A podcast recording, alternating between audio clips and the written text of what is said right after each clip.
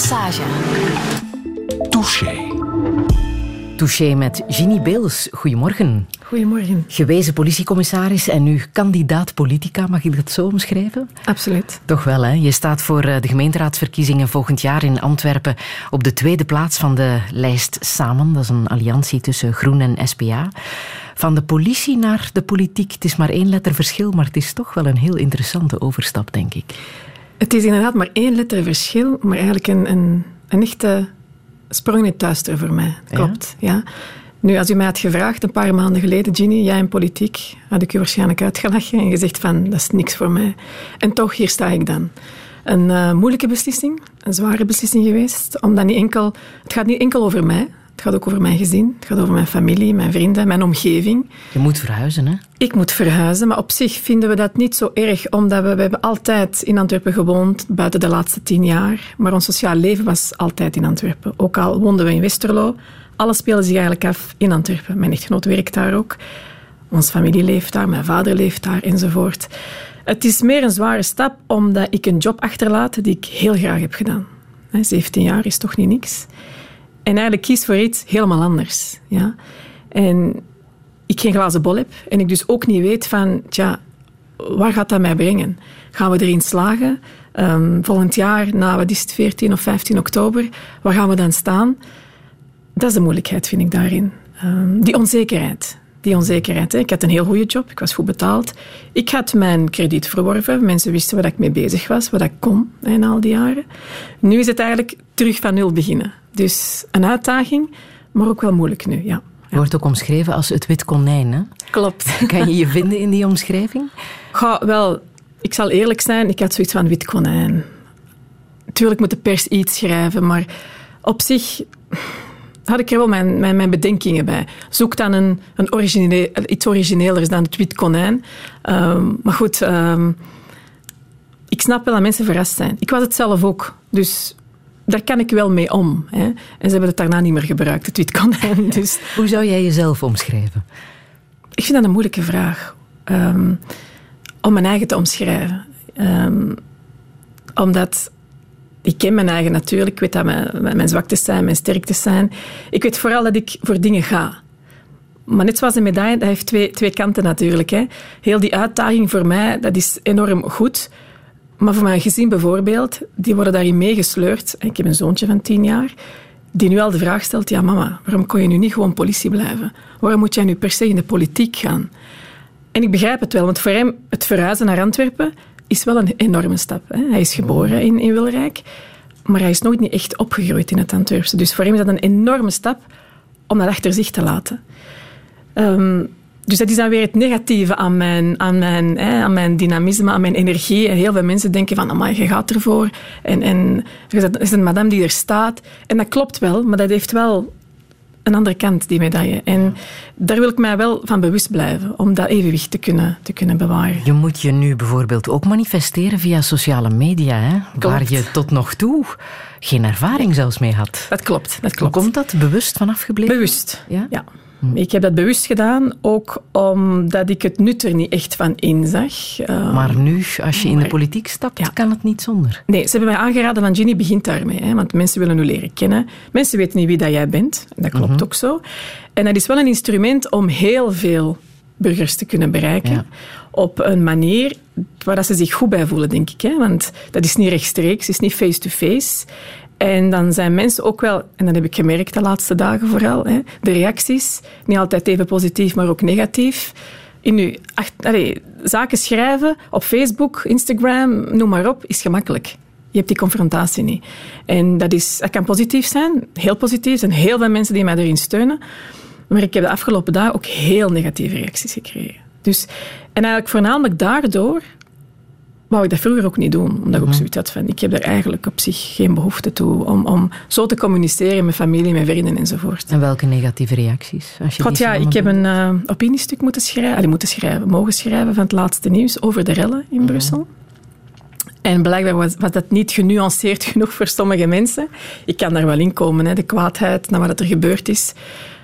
Ik ook, ik was kwaad, omdat ik ook zoiets heb van, Jezus, die paar railschoppers. Die het eigenlijk ver, ja, dit moeilijk maken voor een hele gemeenschap. Weer al, voor de zoveelste keer. Maar de reacties die ik heb ontvangen via sociale media... Oh, ik heb er toch wel...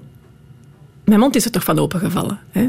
Zo van die reacties van hè, een kogel voor elke makak en je gaat terug van waar dat je komt. Dan word je wel even stil van. Mm. want dan denk je, mijn eigen gaat terug van waar dat ik kom. Bedoelen ze nu, gaat terug naar Antwerpen? Hè, want ik ga terug naar Antwerpen. En, en je probeert dat wel met humor te benaderen. Maar dat doet wel iets. Hè? Want ik probeer mijn, mijn zoon ervan af te schermen. Maar hij leest dat dan toevallig, omdat hij mee die reactie leest door mijn schouder heen. En dan heeft hij zoiets van, mama, wat wil je dan nu zeggen? Ga terug van waar je komt? Leg dat maar eens uit aan een tienjarige. Mm. Dus, en ik kan u nog andere reacties opnoemen, maar dat ga ik nu niet doen. Maar die waren er echt wel over. Die waren zelfs, bij momenten kan je zeggen, aanzetten tot haat. En, en dan stel je de vraag van, hoe zijn wij op dit punt beland? Dat mensen in, in, in Vlaanderen van 2017 nog zulke reacties plaatsen. We gaan het er ongetwijfeld nog over hebben in deze touché. Welkom. Radio 1. 1. Friedel Lassage. Touché. One, two, three.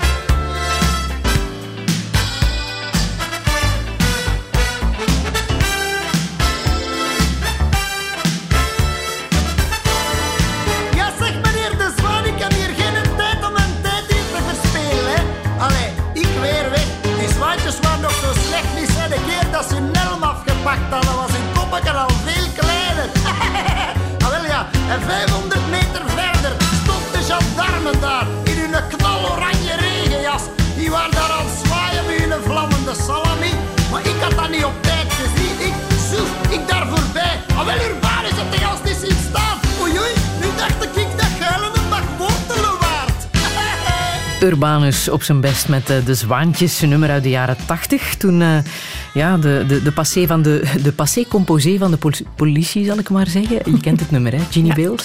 Ja. Wordt ja. daarmee gelachen bij de politie, met dit soort uh, nummers? Ik vind humor heel belangrijk. Je moet af en toe met je eigen kunnen lachen. Hè? Dus ik denk dat politiemensen daar ook wel gezond verstand in hebben en zoiets hebben van, als het grappig is, dan lachen we ermee. En maar je hebt nu na 15 jaar beslist om uh, de ja. politie en het leven bij de politie achter je te laten en uh, voor de politiek te gaan. Wie of wat heeft jou overtuigd? Want je zei het zo net, hè? Uh, het Goh. was niet echt jouw doel in het leven. Zeker en vast niet. Um, ik heb hier niet naartoe gewerkt, zoals sommigen misschien denken. Dit is een voorstel geweest een paar maanden terug. Hebben ze mij het voorstel gedaan. Van, eh, wat denk je Wie ervan? dan? Wie is Wel, um? Tom en Wouter zijn naar mij uh, Tom Meus Tom Meus en, uh, en Wouter van Bezien.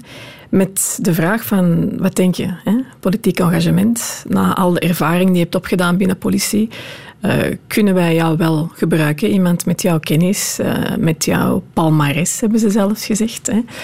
Um, zou je dat niet overwegen om de volgende stap te zetten? En mijn eerste reactie was van, ik denk het niet. ik had zoiets van, waarom? Ik zie het nut daar niet van in. Wie ben ik en welke meerwaarde kan ik bieden aan? En er zijn een aantal gesprekken gevolgd daarop natuurlijk. En ze hebben mij wel geprobeerd om te doen inzien van, we zouden het enorm appreciëren en we zien het echt wel helemaal zitten. Hè? Wij met ons drieën. En op een bepaald moment had ik zoiets van, ja, eigenlijk waarom niet? Ik ben bijna 17 jaar politieambtenaar, heel graag gedaan. Maar laten we nu niet onnozel doen. De laatste jaren toch ook wel gestreden voor een aantal zaken die ik helaas niet volledig heb kunnen realiseren. Omdat je altijd botst op een muur. Ja? Um, ik was leidinggevende, ik was officier, dat klopt. Maar eigenlijk, de beslissingen worden voor jou genomen. En ik had het er steeds moeilijker mee. Dat is ook de reden geweest dat ik in Antwerpen uiteindelijk ben vertrokken. Want met heel veel pijn in het hart. Heel fijne collega's daar. Ik heb er heel graag gewerkt uiteindelijk. En toch die stap gezet naar Mechelen, maar niet evident was voor mij. Uh, met dank aan Mechelen Willebroek trouwens ook, een heel goede burgemeester, korpschef. Daar ook proberen uw ding te doen. Maar op den duur had ik het gevoel van, ja Ginny, dit is herhaling. Dit heb je al eens gedaan. Tegen die muren ben je al gebotst. En it's all over again. En ik had zoiets van, ik heb wel nood aan iets nieuws. En toen kwam die vraag van Tom en Wouter. Dus ergens, denk ik, wel goed getimed. En ik heb er lang over nagedacht. Dat is zeker vast niet over één nacht thuis gegaan. Hè. Ik heb het met mijn echtgenoot besproken. Vooral met mijn echtgenoot besproken, want uiteindelijk, het, het mocht ook niet uitlekken en, en zo min mogelijk mensen mochten het weten, wat ik ook wel begrijp.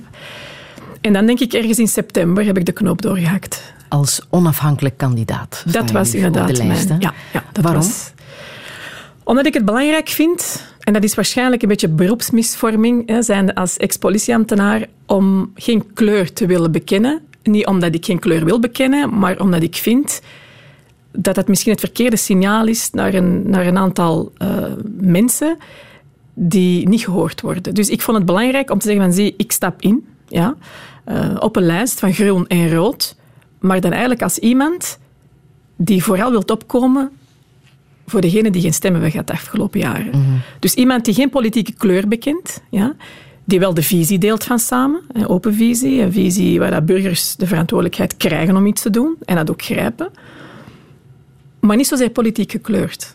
Ik vond dat heel belangrijk. Mm -hmm. Omdat ik als politieambtenaar het ook heel belangrijk vond om er te zijn voor elke Antwerpenaar. Nu, je zegt het, hè, je hebt een uh, behoorlijk palmares, je mag dat gerust zeggen. Um, dat uh, misschien ook niet zo eenvoudig begon hè, bij de politie. Je bent criminologe. Ja. Um, dat begin was ook uh, bijzonder voor jou, dat ze voor jou kozen. Dat je... Klopt, ja, dat is zo. Wel, um, ik ben nog binnengekomen als wit product. Het wit konijn komt terug met wit product toen. Ik ben afgestudeerd in 2000 geloof ik, als criminoloog aan de KU Leuven. Ik ben eigenlijk direct begonnen bij de, bij de Rijkswacht. Het was toen nog de Rijkswacht. Maar ik weet nog, toen ik die proeven meedeed, dat was van alles en nog wat, en er was ook een gesprek bij, met een psycholoog. En uh, ik weet dat die mens tegen mij zei na dat gesprek van, uh, juffrouw, u bent veel te kritisch. En u moet leren om uh, af en toe in het leven dingen uit te voeren zonder te veel vragen te stellen. En ik had zoiets van, ja, oké. Ik was heel jong toen nog. En ik had zoiets van, oké, is dat nu slecht of is dat nu goed? Hoe bedoelt die mens dat eigenlijk? En hij zei, want als u bij ons komt werken, dus bij de Rijkswacht, dan moet u leren uitvoeren. En ik ben toen naar huis gegaan en ik heb toen tegen mijn vader gezegd, ja, dat is niks, hè, dat wordt niks. Hè. En ik weet nog dat mijn vader zei, ja, jij met je grote mond ook altijd. Hè. Kun je nu nooit eens niet leren om, om dat voor je eigen te houden? Hè. Toen al. Um, en ik had zoiets van, maar ik heb niks verkeerd gezegd. Ik heb gewoon een aantal vragen gesteld, omdat dat mij niet altijd even duidelijk was. En daar, daaruit heeft die mens geconcludeerd, ja, waarom zo kritisch? En ik heb geleerd, op de niveau ook, van wees kritisch. Stel vragen en, en probeer niet dingen te doen zonder te weten wat je eigenlijk mee bezig bent. Dus ik had zoiets van, ja, ik ben er niet bij. Uiteindelijk was ik er wel bij. En tijdens onze opleiding hebben wij dan vernomen dat wij met zo vijf van die collega's waren. We waren met vijftien in totaal.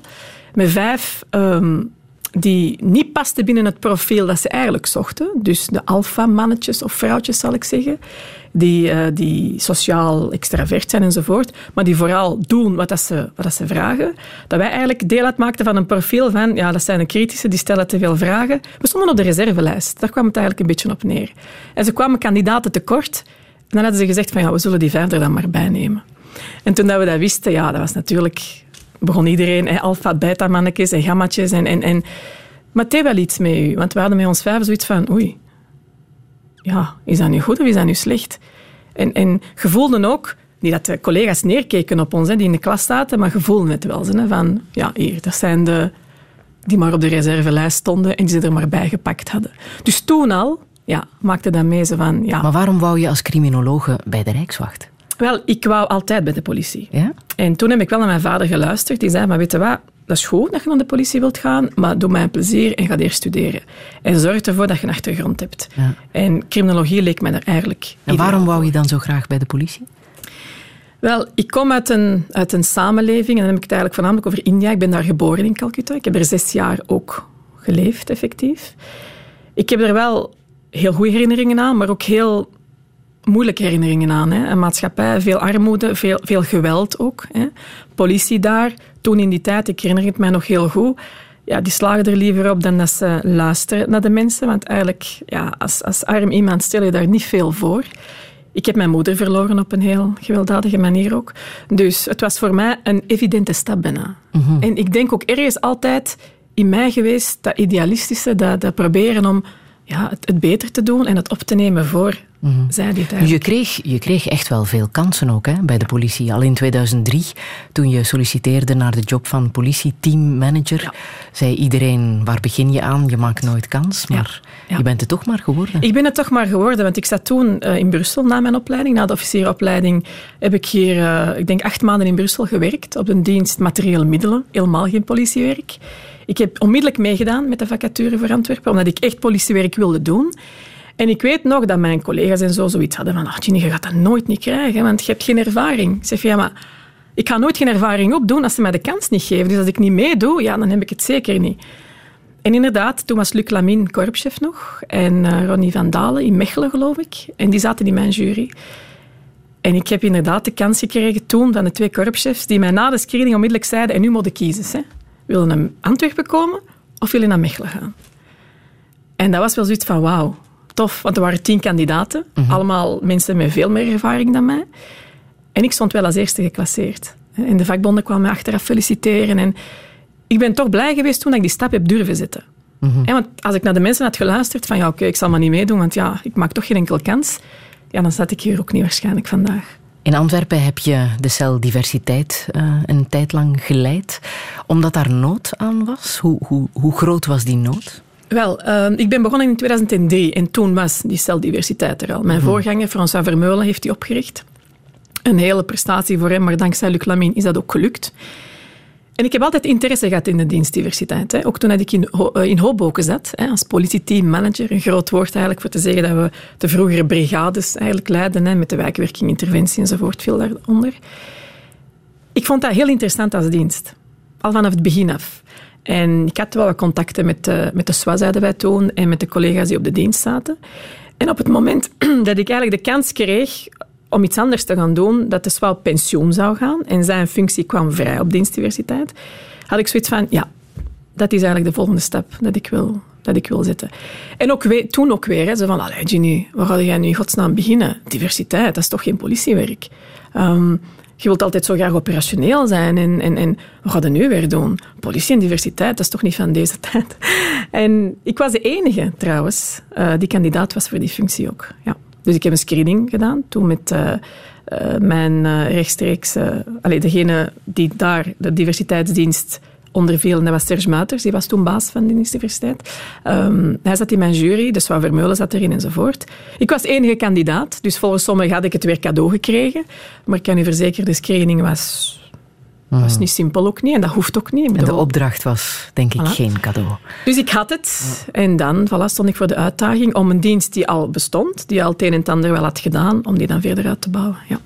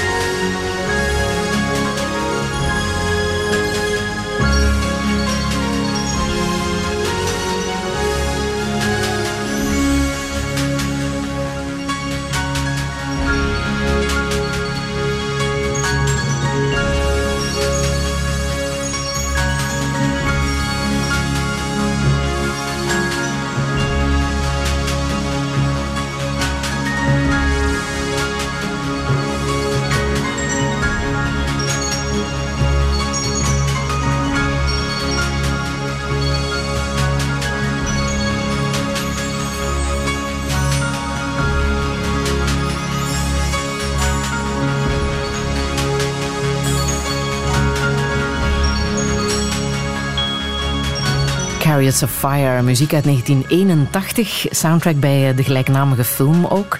Een soundtrack die ook goed was voor een uh, Oscar.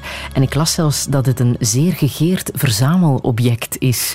Ginny Bales, wist je dat? Nee, dat wist ik niet. Nee, nee. Evangelis. Um, het is 81, toen was jij hoe oud? Toen was ik, uh, wacht, in 83 was ik uh, zeven jaar. Dus, ja. En welke betekenis heeft dit nummer voor jou? Wel, een, een grote betekenis. Want als ik het liedje hoor, word ik eigenlijk teruggeschoten in de tijd. Hè. Ik zat toen nog in de lagere school.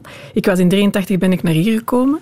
En het is eigenlijk door mijn vader dat ik Vangelis heb leren kennen en appreciëren ook. Hè. Hij vond dit een geweldig nummer, ook een geweldige film. En mijn vader is zo iemand, als hij iets geweldig vindt als film, hij kan dat elke keer terug bekijken. Dus als kind, ik denk dat ik die film verschillende keren heb gezien, als ik echt klein was nog. Hè. Maar de muziek is mij altijd bijgebleven. En als ik de muziek hoor, ja, dan is dat precies dat ik terug ben in, in de tijd. Ja. Hoe goed kende jij je vader op die leeftijd?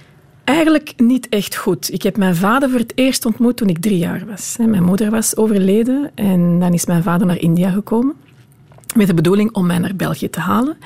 En dat was eigenlijk de eerste keer dat ik mijn vader ontmoette, weet ik nog, dat ik zoiets had van wie is dat? Mm. En, dus je bent geboren in, ben in geboren Calcutta? in Calcutta ja.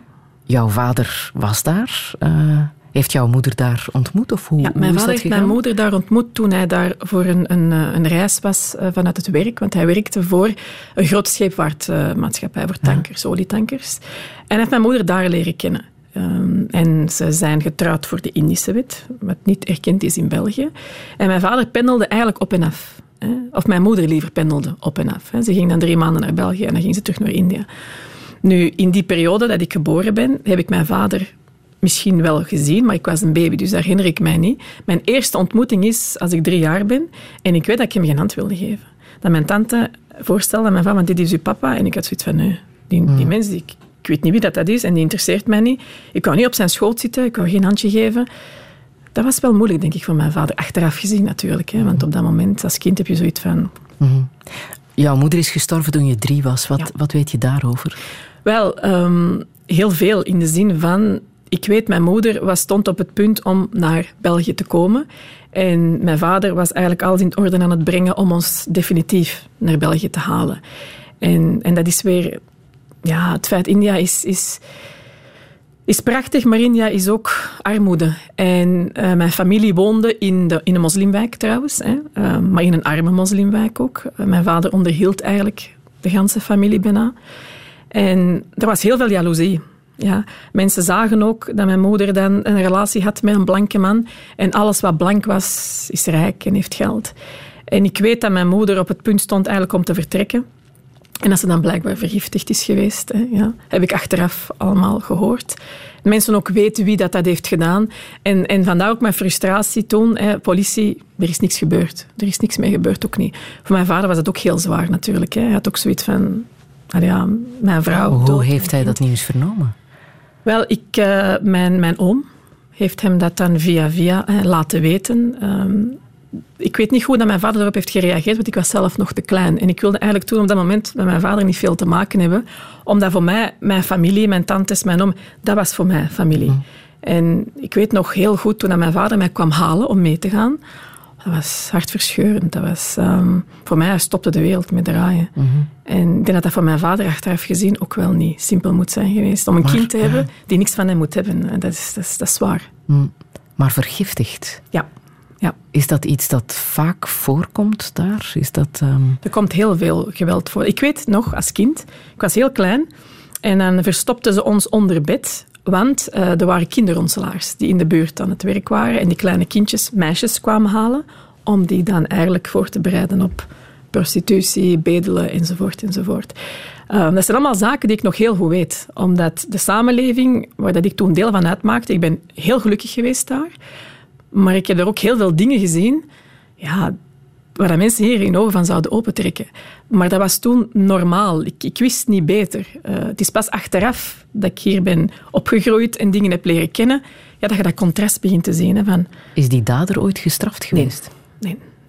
En die familie leefde in de buurt waar wij leefden. Dus u moet zich inbeelden hoe dat, dat dan voor mijn familie moet zijn geweest. Ik was nog veel te klein. Ik was drie jaar. Uh, ze liet mijn oom, ik weet nog dat hij zei, dat zijn de mensen. Oh, maar als kind van drie jaar, dus zoiets van, ja, mm. oké, okay, ja, goed. Uh, maar achteraf had ik zoiets van, verdorie. Um, hoe is dat mogelijk? Dat zou hier in België toch niet kunnen. En daar is dat iets dat eigenlijk heel normaal, mm. heel normaal Je bent al die tijd opgevangen geweest door, door jouw familie daar. Ja. Hoe was het dan voor jou om ja, hier in België aan te komen bij een papa die je nauwelijks kende? Ja. En ook weer een grote familie, want mijn grootmoeder had uh, elf kinderen. Wel, ik zeg het, de wereld stond voor mij stil. De dag dat ik dat vliegtuig in moest en met mijn vader naar hier moest komen, Oh, ik heb geweend. Ik heb, ik heb, ik, het was verschrikkelijk voor mij. Ik was zes jaar. Uh, en, en, en, ineens word je weggerukt uit alles wat dat je eigenlijk kent, naar een wereld dat je eigenlijk helemaal niet kent. Dat was... Uh, ja, ik heb, er, ik heb er lang heimwee gehad ook, terug mm. naar India. Ja, mm. ja. En dan hier ben je voornamelijk door alweer de grootouders, de grootmoeder, uh, ja. opgegroeid. Hoe is dat gegaan? Wel, mijn grootmoeder was een heel dominant en een heel sterke vrouw. En het is ook door mijn grootmoeder dat ik ben wie ik ben de dag van vandaag. Mm-hmm. Ja, dat klopt. Uh, zowel voor de negatieve als de positieve dingen. Maar het is mijn grootmoeder die ervoor heeft gezorgd dat ik mijn eigen laat doen en dat ik opkom voor wat ik denk dat juist is. Dat is echt dankzij haar. Het moet voor haar ook niet simpel zijn geweest. Hè. Ineens krijgt ze een kleinkind daarbij, hè, die uit India komt, zes jaar, niemand ooit niet gezien. Ehm, ik weet achteraf dat mijn grootmoeder het er ook heel moeilijk mee heeft gehad. Maar ze heeft mij wel onmiddellijk aanvaard. En ze heeft echt wel alles gedaan om ervoor te zorgen ja, dat ik een goed leven had. Ja. Ginny, wat weet je over jouw naam? Ginny Bills? Wel, dat is een van de weinige dingen die mijn vader mij ooit heeft verteld toen ik vroeg van, ja zeg, die naam, kon hij nu echt niks anders kiezen, want niemand kan dat uitspreken. En hij zei, ja, maar ik had er eigenlijk niet veel over te zeggen. Het was jouw mama die dat heeft gekozen. En mijn familie kwam oorspronkelijk uit Pakistan. En mijn moeder heeft mij genoemd naar uh, Mohammed Ali Jinnah, de, de vrijheidsstrijder voor Pakistan. En ze hebben er hier dan Ginny van gemaakt. Hè. Ehm, en ik vond dat wel iets hebben, omdat over die naam nagedacht was. En ik heb eigenlijk hetzelfde gedaan met mijn zoon. Ik heb hem een naam gegeven, met goedkeuring van mijn echtgenoot, alhoewel het niet veel keuze daarin van. ik wil hem noemen naar iets dat betekenis heeft. Ja. ja. Namelijk, hoe heet hij? Alexander. Ja. En welke betekenis heeft dat voor jou? Wel, Alexander de Grote, ik, was, ik ben heel... Ik ben heel geboeid door de oudheid ook. Hè. Uh, de Romeinse tijd, de Griekse tijd, komt ook door mijn vader hè, trouwens. Hij heeft dat mij meegegeven. Ik was altijd grote fan, zowel van Keizer als van Alexander de Grote. Totdat ik natuurlijk leerde kennen wie dat ze echt waren. Hè. Maar als kind kijk je enkel maar naar, naar het uitwendige, zal ik zeggen. De veroveraar, mannen met kracht, mannen die, die, ja, die gaan voor wat ze eigenlijk willen bereiken. En ik wilde mijn zoon een naam geven, of, of naar iemand refereren, dat hij later ook die kracht kan gebruiken om, om iets te bereiken in het leven. Heb jij nog tastbare herinneringen aan jouw moeder? Dat lijkt heel raar. Ik weet nog uh, dat mijn moeder heel vaak weg was. Dat herinner ik mij nog. Maar als ze terugkwam, oh, dan, dan stond de wereld voor mij ook stil. Hè. Dan, dan, dan, mijn moeder was een heel lief en een heel zachte vrouw. Ik herinner mij dat als wij eten hadden, dat zij haar bord eten ging, ging, ging, ging ja, geven aan mensen die geen eten hadden, bijvoorbeeld. Hè. Zij had zo'n zilveren bord, herinner ik mij nog. Hè. En dat was het bord van mijn moeder. En zij at daaruit. En in plaats van het dan zelf te eten, ging ze eigenlijk gewoon naar de buurvrouw of zo om te zeggen van hier, mm. neem mijn eten maar. Dat was mijn moeder. Mm. Heb je foto's van haar? Ik heb foto's van haar. En lijk je op haar? Ja, want als ik die foto laat zien aan mensen, zeggen ze, ah, maar dat ben jij. Dus blijkbaar lijk ik heel, heel erg op mijn moeder, ja.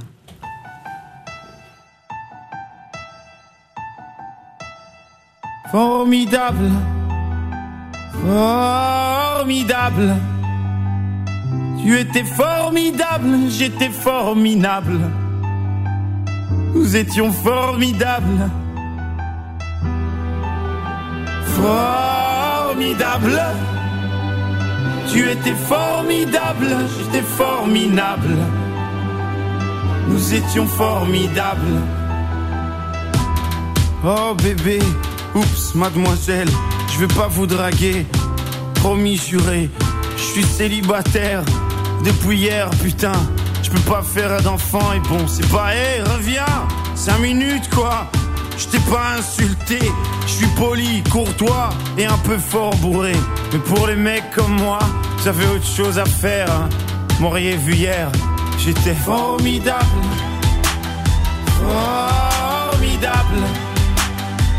Tu étais formidable, j'étais formidable. Nous étions formidables. Formidable. Tu étais formidable, j'étais formidable. Nous étions formidables.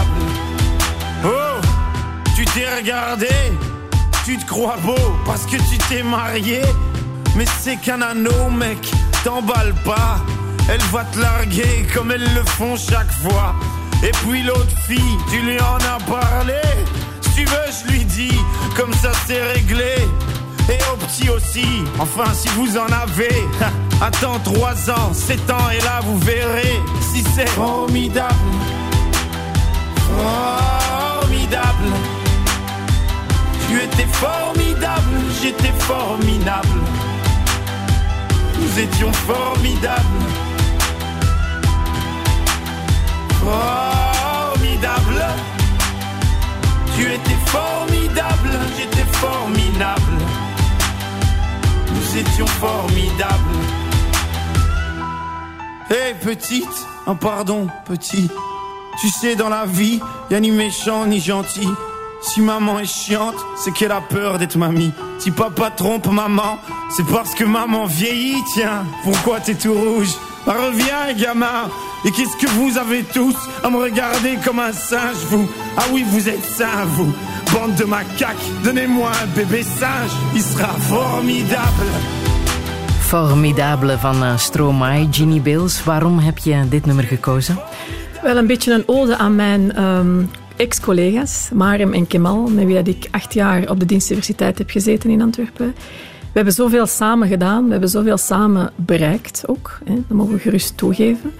En het is voor hen ook niet gemakkelijk geweest, want heel die clash dat er is geweest tussen mij en dan hè, Serge Muiters. Wat is daar precies gebeurd? Goh, wat is daar precies gebeurd? Op een bepaald moment had ik het gehad in de zin van de visie vanuit de korpsleiding was gewoon mijn visie niet meer. Ik heb acht jaar de dienstdiversiteit geleid met mijn, met mijn mensen die daar een deel van uitmaakten.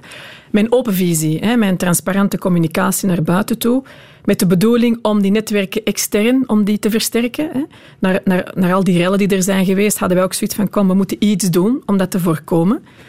Wat er in Brussel is gebeurd afgelopen weekend, hebben wij verschillende keren meegemaakt in Antwerpen ook, een aantal jaar terug. En jouw visie was en is nog altijd? Mijn visie is dat een politie midden in die samenleving moet staan. En dat de politie moet zorgen dat ze een band aangaat met de burgers, ja? met de jongeren. Ja?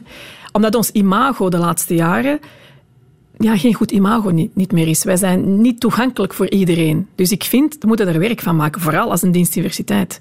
En hoe deed jij dat concreet met jouw team? Wel, door in de straten aanwezig te zijn, door bij die mensen langs te gaan, door moskeeën te bezoeken, VZW's te bezoeken, Afrikaanse kerken, de synagogen, noem maar op. Alles. Op momenten dat er niks aan de hand was? Op momenten dat er niks aan de hand was. Juist om ervoor te zorgen dat we een band hadden met de mensen. Want als je alleen maar naar één gaat, als het er tegen zit, ja, dan hebben zij ook zoiets van, ja, maar je gebruikt ons. En dat kan niet de finaliteit zijn. Wij wilden een band aangaan om er dan juist voor te zorgen, als het zou een conflict situatie zou zich voordoen, dat we op hen zouden kunnen rekenen. En was dat zo? En dat was ook zo. Wij zijn erin geslaagd een tijd om uh, een goed netwerk te hebben en dankzij die netwerken de rust te laten weerkeren.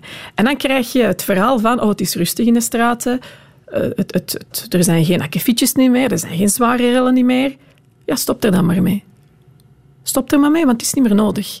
En daar had ik een probleem mee, want netwerken betekent investeren op lange termijn. Het is niet omdat het nu goed gaat, dat het volgend jaar ook nog goed zal gaan. Of zelfs misschien volgende maand nog goed zal gaan. En dat vond ik een kortzichtige visie. Van ja, oké, ja, jullie hebben jullie werk gedaan, het is goed geweest. We gaan nu toch wel op andere zaken ons, uh, ons accenten leggen. En ik heb daar respect voor, hè, dat je als beleidsmaker zegt van dat, dat en dat is belangrijker dan iets anders. Maar waar ik het heel moeilijk mee had, is dat ze ons eigenlijk gewoon van tafel hebben geveegd. Ons mhm. gewoon in een hoek hebben geplaatst. En ondanks alle successen die we hebben behaald, vond ik het niet kunnen dat ze ons op die manier hebben behandeld. En dat was pijnlijk. Dus ik heb op een moment gezegd van zie, zo kan ik niet werken.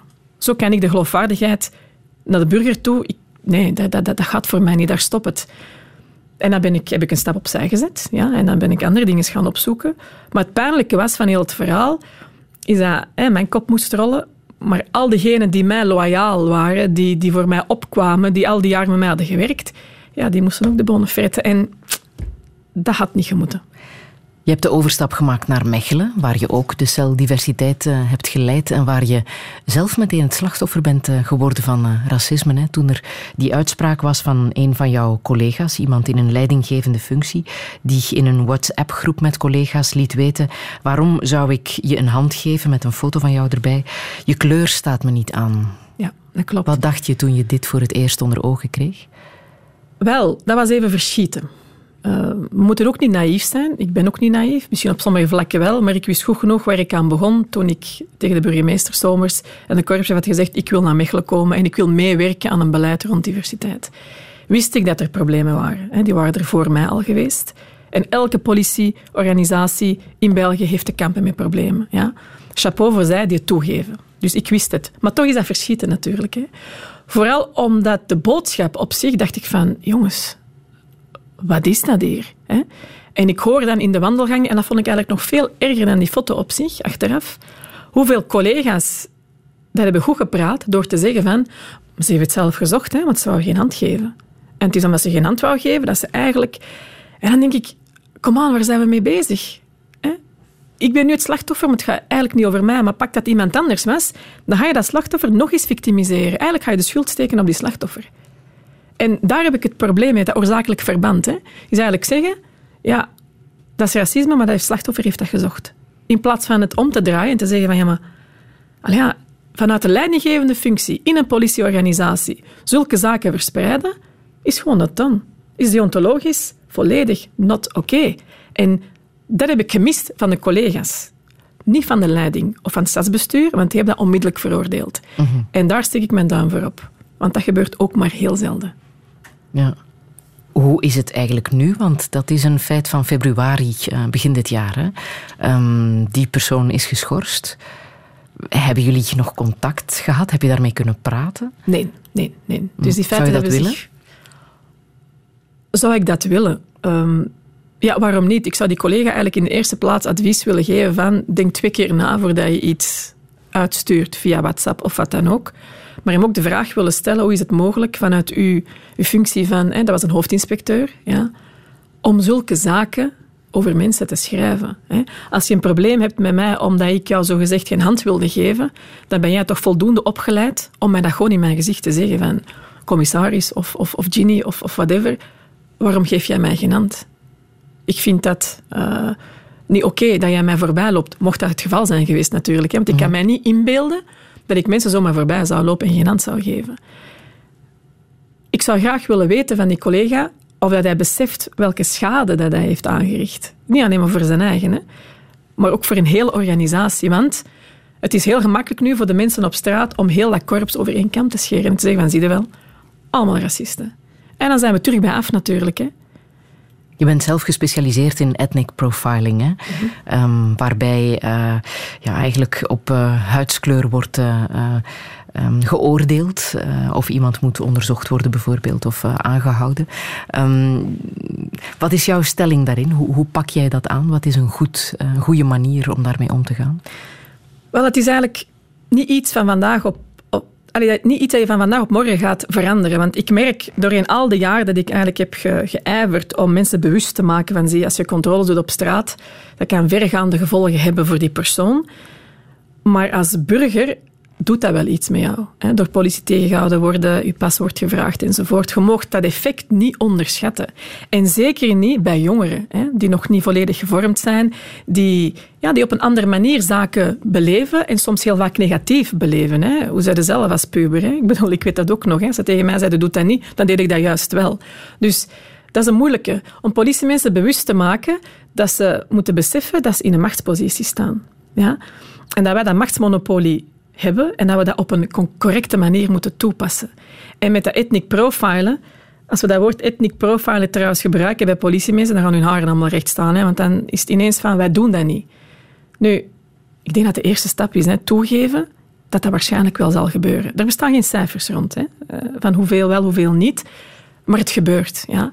En ik denk dat de tweede stap is gewoon gaan kijken van hoe kunnen we dat gaan vermijden of hoe kunnen we dat zodanig professionaliseren dat we dat niet doen op basis van afkomst of geslacht of taal of politieke overtuiging of wat dan ook, maar op basis van puur informatiegestuurde politie. want de politiedienst moet kunnen profilen, hè, anders kunnen die hun werk niet doen.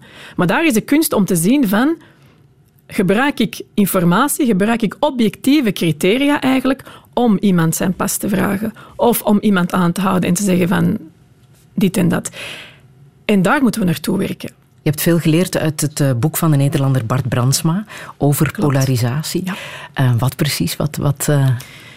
Wel, toen ik het boek van Bart Brandsma las, had ik zoiets van... Eindelijk iemand die eigenlijk ook duidelijk op papier zet van hoe gaan wij nu om met de samenleving? En met dat wij-zij-denken. Met dat wij-zij-denken. Want eigenlijk doen we dat heel de tijd. Hè?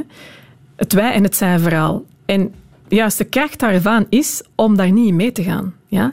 Want dat polariseren, dat, dat brengt met zich mee dat we de essentie van het verhaal, vind ik, uit het oog verliezen. nu ook met die rellen bijvoorbeeld. Ze hebben mij gedwongen bijna in het kamp van de softies, van degenen die willen bepamperen. En dan heb ik zoiets van, nee, dat is niet mijn betoog. Mijn betoog is helemaal iets anders. Mijn betoog is van laten we in godsnaam kijken naar de factoren, naar de oorzaken waarom dat zulk gedrag zich voordoet. En niet enkel vanuit de politie, hè. versta me niet verkeerd, want ik geloof niet dat politie alleen verantwoordelijk is voor een veiligheidsbeleid. Dat is een verantwoordelijkheid van heel de samenleving. En ik denk juist daardoor, omdat we niet met elkaar praten, niet met elkaar communiceren, dat zulke feiten zich gaan blijven voordoen. Dus Bart Brandsma, chapeau, omdat hij erin slaagt om heel duidelijk te zeggen van zie, ga niet mee naar wij zijn vooral. Probeer afstand te nemen ja? en probeer degene te betrekken die eigenlijk recht van spreken hebben. En niet die twee partijen. En dat vond ik wel heel... Allee, dat vond ik voor mij oké, omdat ik zoiets had van oh, dan ben ik goed bezig.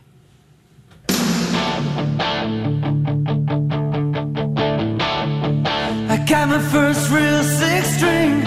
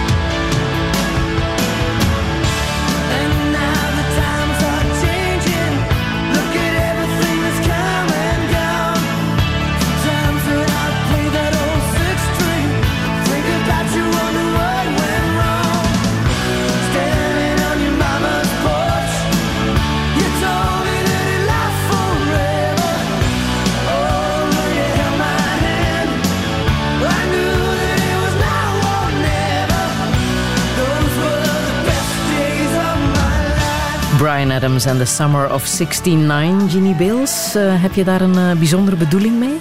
Wel, het concert van Brian Adams was het eerste concert dat ik als puber heb bijgewoond. Ja? En dat was denk ik in de Vooruit in Gent.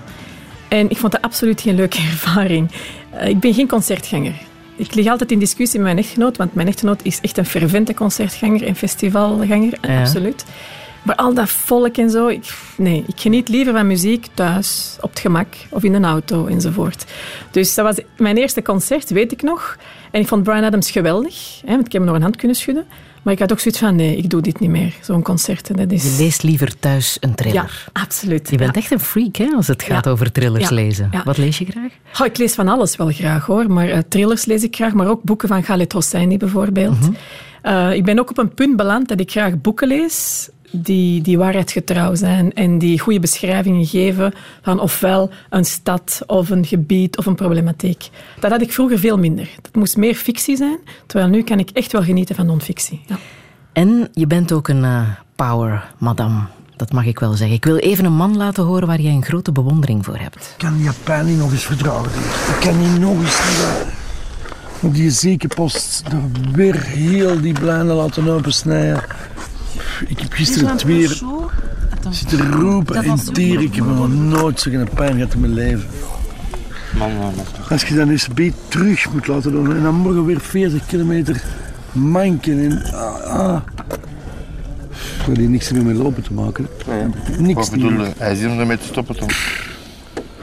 Toch over te denken. Touché. Tom Waas, toen hij de Marathon des Sables eh, heeft gelopen. Dat is eh, ja, een onwaarschijnlijke tocht hè, van eh, meer dan 250 kilometer door de woestijn van Zuid-Marokko. Jij wil dat ook doen. Ik vind hem geweldig. Ik vond Ja? Tom Testeron geweldig. De grenzen die hij verlegt, ik heb er enorme bewondering voor. En Maar vooral zou- jij wil dit ook. Ja, ik zou dit ook graag willen Ja, doen. Ja, ja. ja. Ik hoor hem zo praten en ik kan die frustratie, ik begrijp dat volledig. Ik heb twee keer de dodentocht gestapt. Wel, dat was hetzelfde voor mij. Op het moment dat ik dat ben aan het doen, denk ik van Ginny, in godsnaam, waarom? Wat is het strafste wat je zelf al hebt gedaan?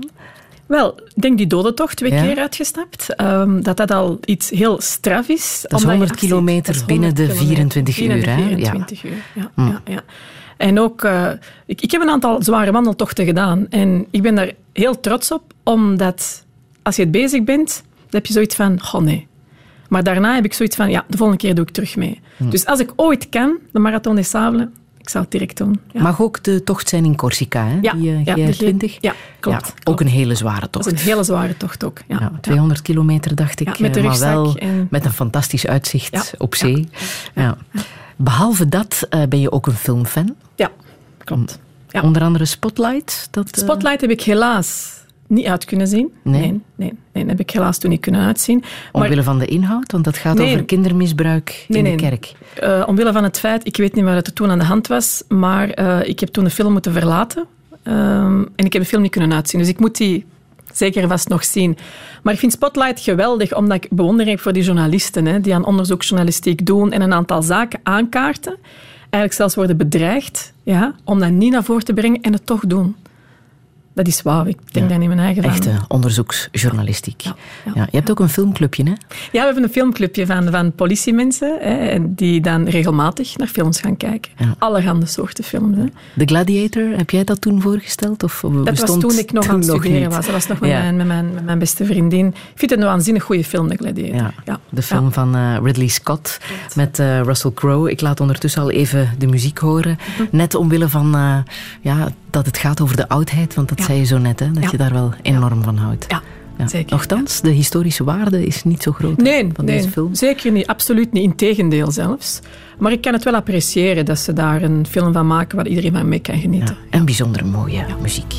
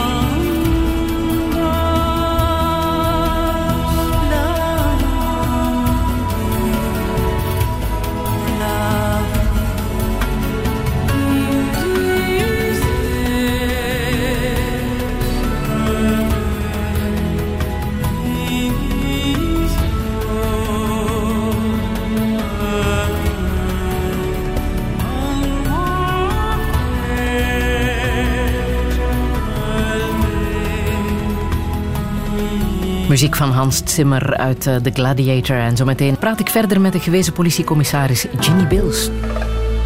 Radio 1. Friedel Lesage. Touché. Touché met Ginny Beels, de gewezen politiecommissaris die het wil maken in de politiek. Voor de volgende gemeenteraadsverkiezingen staat ze als onafhankelijke op plaats 2 van de lijst Samen in Antwerpen. Jarenlang leidde ze er de cel diversiteit en was ze het gezicht tegen racisme binnen het politiekorps. Vorig jaar stapte ze over naar Mechelen met dezelfde opdracht. En ze weet waar ze over spreekt. Ze werd zelf het slachtoffer van racisme toen een van haar eigen collega's schreef: Je kleur staat mij niet aan. Er is duidelijk nog veel werk aan de winkel. De rellen in Brussel van de afgelopen week zijn daar het levende bewijs van. Maar waar gaat het fout? Ziet ze het nog goed komen? En hoe groot is haar hunkering naar haar geboorteland India? Dit is Touché met Ginny Bills. Een zeer goede middag.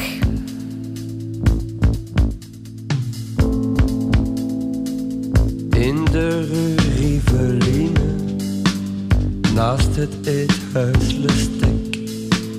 Achter zware gordijnen staat de discotheek. Aan de jassen die hangen, het etiket van Louis. Clouseau kocht er ook een, maar die past niet precies.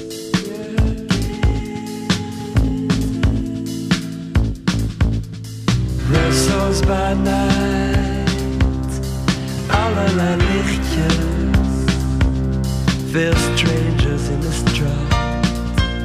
In Brussels by.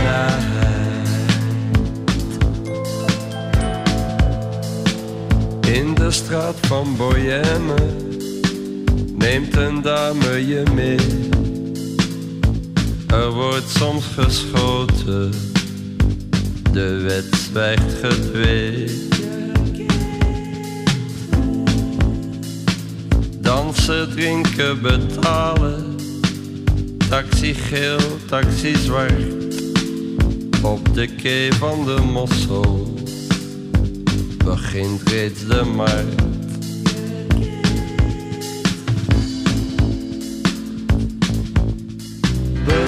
By night,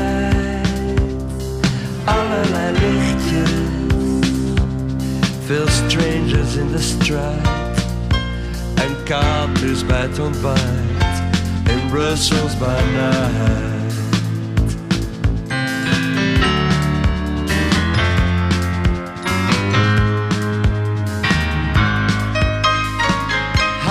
Treffen het ketje, oh zo grappig en leep. Deze stad wil me helpen, maar dan liefst om zee.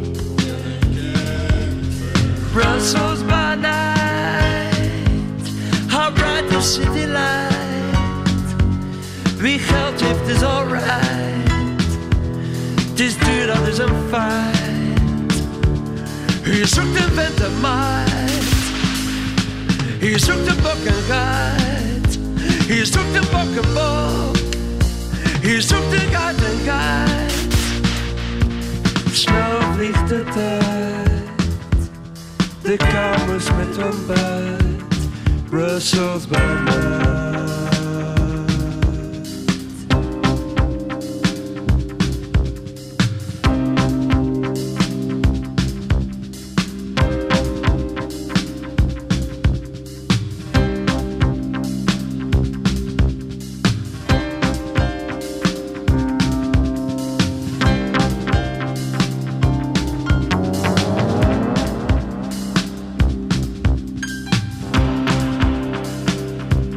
Van het Groene Woud met Brussels by Night.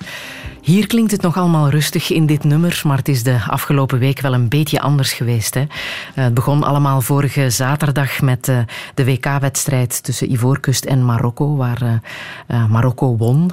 Maar toch, het feestje was iets grimmiger dan het had moeten zijn. Ginny Beels, je hebt uiteraard het nieuws rond die rellen van nabij gevolgd. Wat was jouw eerste indruk toen dat nieuws binnenliep vorige zaterdag? Wel, ik had ook zoiets van, oh jongens, waarom doen jullie dit eigenlijk? Want het feit dat jullie al die vandalenstreken uithalen, geweld gebruiken, winkels kapot slagen, het brood van mensen eigenlijk, die, die dagdagelijks ervoor moeten werken. Ik was er niet goed van, omdat ik zoiets had van, verdorie, we willen inzetten op de wijken, we willen inzetten op jongeren die geen kansen krijgen en die de kansen moeten krijgen enzovoort. Maar ergens moet je ook een eigen verantwoordelijkheid opnemen. Begrijp je dat als je die beelden ziet van bijvoorbeeld een jong kereltje dat een eh, verkeersbord neemt en een raam van een eh, etalage aan diggelen slaat? Waar haalt zo iemand de moed en het lef vandaan om dat te doen? Wel, dan denk ik ook van, jongen, wat doe jij daar eigenlijk inderdaad, hè, met dat verkeersbord? En, en hoe is het mogelijk dat iemand die zo jong is, zich daarmee bezighoudt?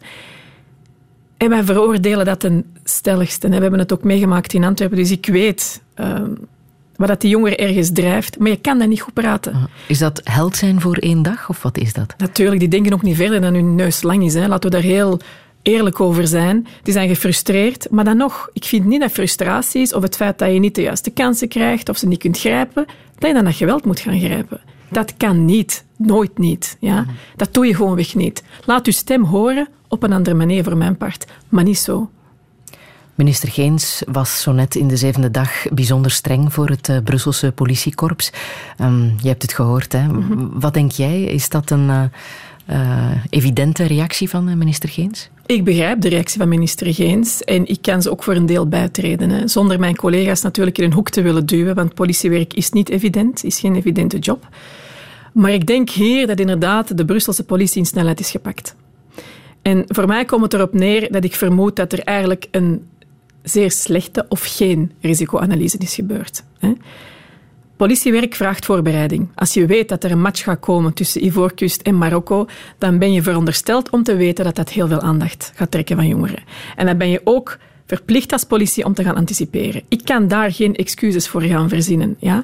Dan vind ik dat we als politie moeten toegeven van zie, oké, goed, we zijn in snelheid gepakt en we gaan proberen dat de volgende keer beter te doen. Ja? Maar woensdag was het opnieuw zover. En woensdag was het opnieuw zover, omdat ik ook niet geloof hè, dat op zo'n korte tijd die spanningen kunnen gaan liggen dat duurt wel eventjes. Kwaadheid blijft hangen. Ja? En railschoppers maken misbruik van de situatie dan om nog meer geweld te gebruiken. En dan zit je eigenlijk in een vicieuze cirkel. En dan gaan zeggen dat er een knopje bestaat waarop je op kan drukken en zeggen de rellen zijn gedaan, dat is ook een illusie. Dat is ook wat ik verwijt aan al die politieke uitspraken van we gaan met harde hand optreden. Er moet met harde hand opgetreden worden, maar daar mag geen mirakels van verwacht worden. Ik verwijs naar Parijs, de banlieues. Daar zijn ze al jaren met aan het met de kraan open. Ze gingen ook de harde handpak doen. Heeft het geholpen? Nee, ze staan nog altijd even ver. Vandaar mijn betoog, alsjeblieft, laten we goed nadenken hoe dat we dit gaan aanpakken. Op alle vlakken. Er spelen hier problemen ja, die al jarenlang, volgens mij, genegeerd worden. Waardoor dit elke keer terug gaat komen. De burgemeester vraagt 400 extra manschappen. Hè? Wat zouden die dan kunnen of moeten doen volgens jou? Nu, ik heb natuurlijk geen idee van hoe het Brusselse korps er effectief uitziet en hoeveel volk ze te weinig hebben enzovoort. Ik weet wel, en ik heb in twee korpsen gewerkt, een politiedienst heeft altijd volktekort. En we hebben altijd een capaciteitsprobleem. Ik denk dat we nu moeten een, een, een analyse maken van hoe gaan wij waar en wie inzetten. En op wat gaan we nu eigenlijk de nadruk leggen. En ik vrees dat als die nadruk enkel maar weer gaat gelegd worden op dat repressieve, ja, dat dat niet de oplossing gaat zijn. En dat we binnen zoveel tijd hè, terug met hetzelfde probleem gaan zitten. Mhm. Dus mijn betoog is heel duidelijk van laten we nu kijken hoe gaan we dat oplossen? Waar moet politie zijn? En welke politie moet er zijn? Ja? De wijkpolitie, mensen in burger, de informatiediensten. Er zijn zoveel tools dat een politiedienst kan gebruiken om eigenlijk zulke zaken te anticiperen. Laten we er dan geen eng verhaal van maken van enkel maar weer die repressie. En we gaan hardhandig optreden en we gaan autoriteit uitstralen. Jongens, autoriteit uitstralen is op zich niet zo gemakkelijk. Want als we dat al zouden doen, dan zouden jongeren veel meer respect voor ons hebben. En dan hoor ik het ook weer. Hè. Ik denk dat de vakbondsafgevaardigde dat zei. Hè. Jongeren moeten schrik hebben voor politie. Dan denk ik van, jongens, wat ben je nu eigenlijk aan het zeggen? De politie is toch jouw vriend? Ja, ik wil niet dat mijn kind schrik heeft voor politie. Zo wil ik mijn kind niet opvoeden. En zo moeten wij jongeren niet opvoeden. Respect, dat is iets anders. Maar respect moet je wel verdienen. Hè? Respect komt van twee kanten. En als twee kampen elkaar niet begrijpen, vergeet die respect dan maar. Mhm. Het zat ook zo net in het nieuws dat de Brusselse rapper Ben Label een uh, nummer heeft uh, opgenomen. Uh, dat gaat over de rellen van afgelopen woensdag, afgelopen zaterdag. Um, een stukje was te horen in het nieuws, maar ik wil ook het begin even laten horen van dat nummer. Les suites à présent de ces émeutes samedi soir dans le centre de Bruxelles. Hier, un rappeur a été arrêté car il avait incité à la violence via les réseaux sociaux. Un rappeur bruxellois publié sur Facebook un post retiré depuis avec cette rime étrange On va tout cramer à Lemonie. Une première interpellation et le rappeur bruxellois du groupe Ben Laden. Lundi 20h30, une journaliste vient m'accoster. Veut des explications sur la phrase. Zo begint het nummer. Wat denk je als je dit hoort? Wel, ik ben natuurlijk voor alle artistieke vrijheden die we mogen hebben en, en ik ben er zeker voorstander van, maar ik heb toch ook mijn bedenkingen daarbij. Iemand die in zo'n positie staat en zoveel respect geniet van de jongeren die die volgen enzovoort, moet toch ook wel ergens stilstaan bij de gevolgen van zijn oproep en van wat hij op Facebook zet. Zonder daarmee te willen zeggen dat die jongen niet mag schrijven wat hij wilt. Ik denk alleen dat er grenzen zijn. Ja? Als hij oproept aan jongeren van kom, kom naar daar en laten we feest vieren, ja, dan moet hij ook ergens weten dat die jongeren dat gaan doen. Waarschijnlijk massaal gaan doen. En dat hem achteraf, vind ik, niet heeft gereageerd en dat geweld niet heeft veroordeeld, vind ik voor hem een gemiste kans. Want daarin ligt die morele verantwoordelijkheid. Hè? Want ze hebben hem opgepakt, ze hebben hem laten gaan, ja, omdat ze hem niks te lasten konden leggen. Dit is een daartoe. andere, hè? Dit is Dit een is een andere- ander. Maar in het algemeen, al die figuren, al die sleutelfiguren, want dat zijn voor mij sleutelfiguren. Hè? Dat is iemand naar wie jongeren opkijken, die moeten die morele verantwoordelijkheid mee opnemen. Is heel belangrijk. Ehm, en dat zijn ook mensen die we moeten gebruiken, ook in zekere zin, hè, om mee dat verhaal naar voren te laten komen en te laten blijken van, zie, misschien kunnen zij wel de jongeren bereiken waar dat wij het niet kunnen als politiedienst. Maar wijst hij in dit nummer ook over een onderhuidse strijd tussen jongeren en de politie? Ja, en daar geef ik hem ook gelijk in, want er is ook een onderhuidse strijd Wat tussen weet je daarover? politie. Wel, Over de enkel politie van Brussel? Wel, politie van Brussel is, is natuurlijk niet mijn habitat geweest. Hè. Ik bedoel, daar moet ik eerlijk in zijn. Mhm. Maar ik daar wordt ongetwijfeld wel over verteld. Voilà, en ik heb ook met collega's gesproken uit het Brusselse, uit verschillende korps, met de vraag ook van, tja, wat is hier nu eigenlijk aan de hand? Mhm.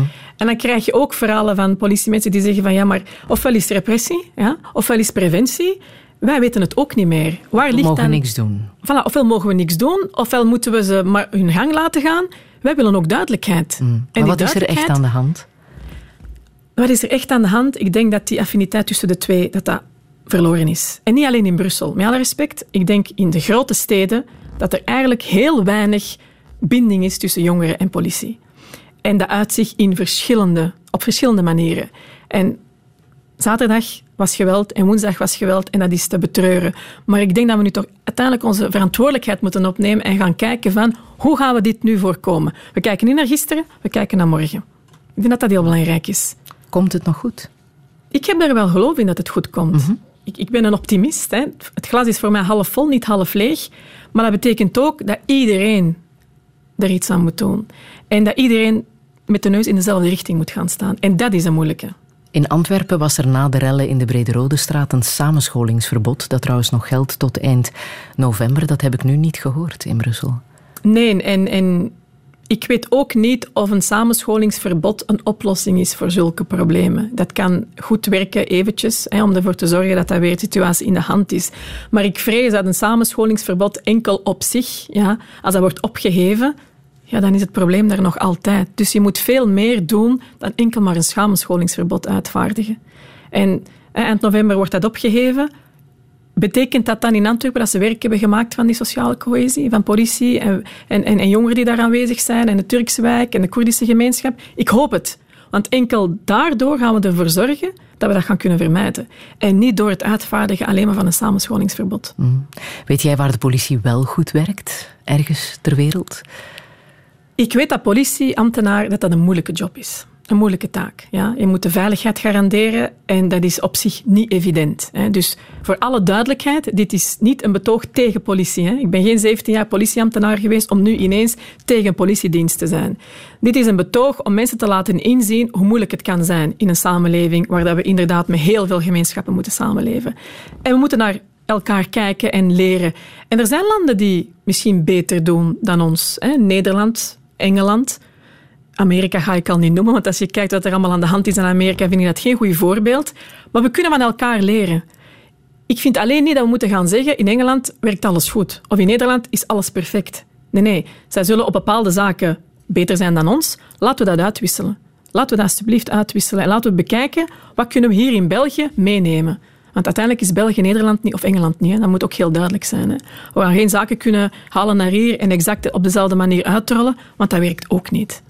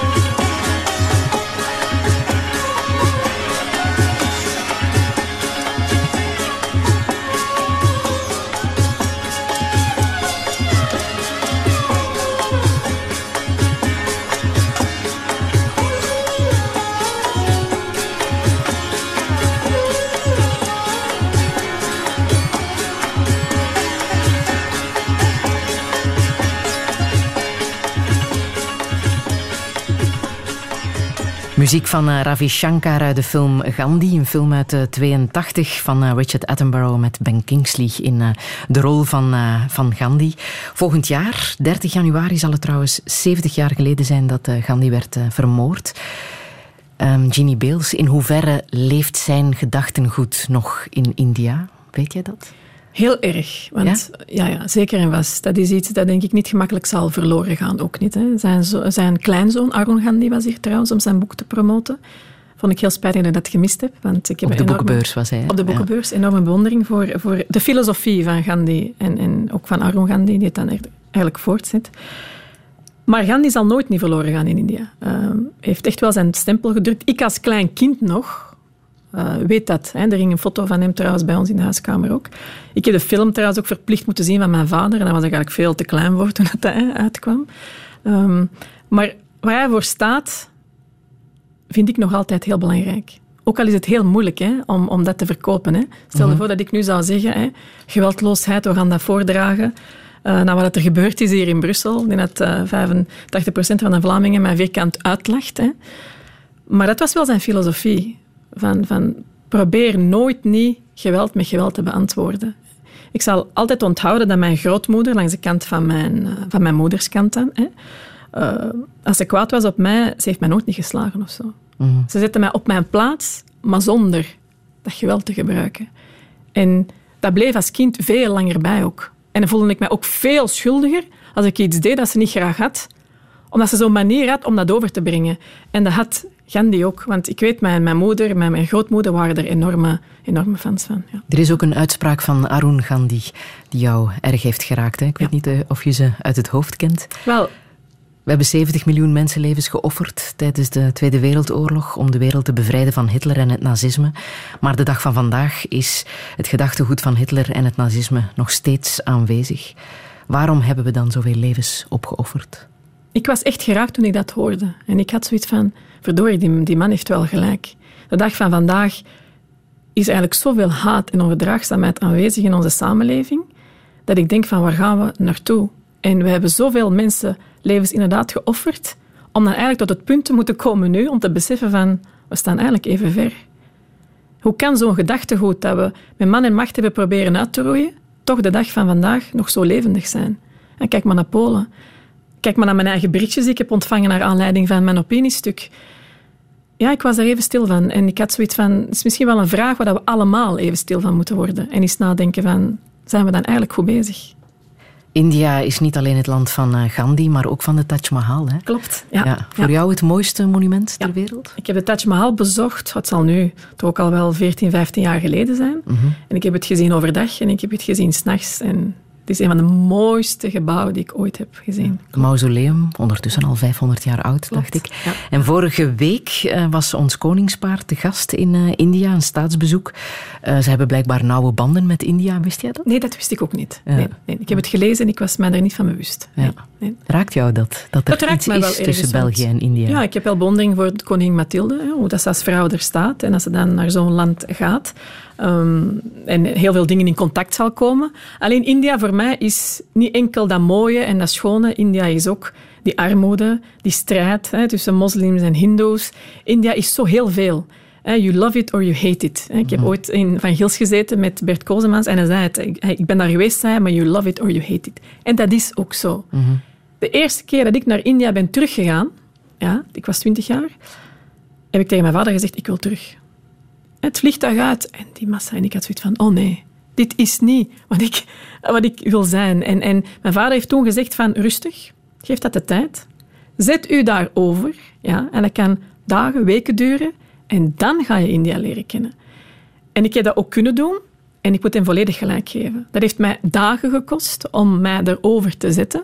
Over een gevoel van, jongens, wat is dit hier? En achteraf had ik zoiets van, ja nee, dit is India. Hoe leven Indiërs met die enorme contradictie tussen arm en rijk daar? Goh, hoe leven ze? Ja, uh, ik ben met mijn vader in India geweest en hij heeft bewust gekozen om op hotel te gaan in een volkswijk. Ja? Dus geen uh, Hilton en geen Radisson. En geen, nee, hij zei, ik wil dat je India ziet zoals India is. Hè? Al die mensen, al die armoede. Hè? hoe, hoe rijm je dat aan elkaar? Dat is een moeilijke vraag. Ik had het er heel moeilijk mee ook. Hè. De veiligheid bijvoorbeeld. Die massa. Dan denk je nu eigen van... je kan bijna niet ademen. Letterlijk. En toch kan je dan ook de schoonheid beginnen zien van sommige dingen. Hoe, hoe raar dat dat ook klinkt. Hè? Want de straten zijn vuil en overal ligt afval en al die koeien lopen daar dan ook rond. Hè? Toch ben je dat magische ook te zien. En dat is logisch ergens. Hè? Ik heb er zes jaar ook gewoond. Die herinneringen begonnen ook terug te komen. Hè? Het gevoel hè? van, tja, ja, ik heb dit al eens geroken. Of ik heb dit al eens meegemaakt. En dat vond ik wel heel kostbaar. Dus ik was heel blij dat mijn vader toen had, zoiets had van, nee, nee, we blijven hier. Je gaat ervaren en je gaat zien wat dat gaat geven. Volg jij ook het nieuws uit India? Ik probeer dat, maar ik heb al moeite om het nieuws hier te volgen. Laat staan het nieuws in India. Weet je wat nu een groot gespreksonderwerp is? Nee, nee, nee. Maar ik weet dat het een paar jaar geleden ging over die verkrachtingen. Hè. Het grote probleem in India, ook tussen mannen en vrouwen. Hè. Heel veel mannen, heel weinig vrouwen. En het geweld ook tegen de vrouwen. Ik herinner mij, toen wij in India waren, eh, voor de tweede keer, dus 15 jaar geleden ook, ondertussen nu, dat ik als vrouw ook niet alleen op straat mocht rondlopen. Hè.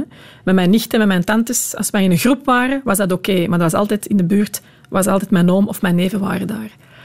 Dat is iets dat je hier in België uniek kan... Dat je niet beseft van... Als je als vrouw gewoon niet alleen in de straten kan, kan wandelen. Hè, dat is onwaarschijnlijk.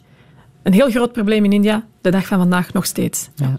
Allicht zullen zij ook wel heel erg uh, op de hoogte worden gehouden van de vluchtelingencrisis in het uh, buurland. Hè, de vluchtelingencrisis van de Rohingya-moslims, uh, die met 600.000 ondertussen vertrokken zijn uit hun eigen thuisland Myanmar naar Bangladesh.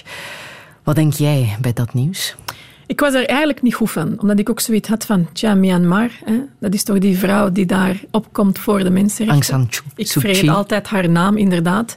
Nobelprijswinnaar. Ja, Nobelprijs gewonnen. Hoe is het dan in godsnaam mogelijk dat dan een bevolkingsgroep op die manier wordt behandeld in een land als Myanmar? Waar dat degene die het heeft meegemaakt en die heeft geijverd voor mensenrechten, dat kan toch niet te rijmen zijn met elkaar. En nu dat al die mensen vluchten naar Bangladesh, een, een land dat nog veel armer is, die daar opgevangen moeten worden, wat moeten wij ons daar dan in godsnaam bij voorstellen?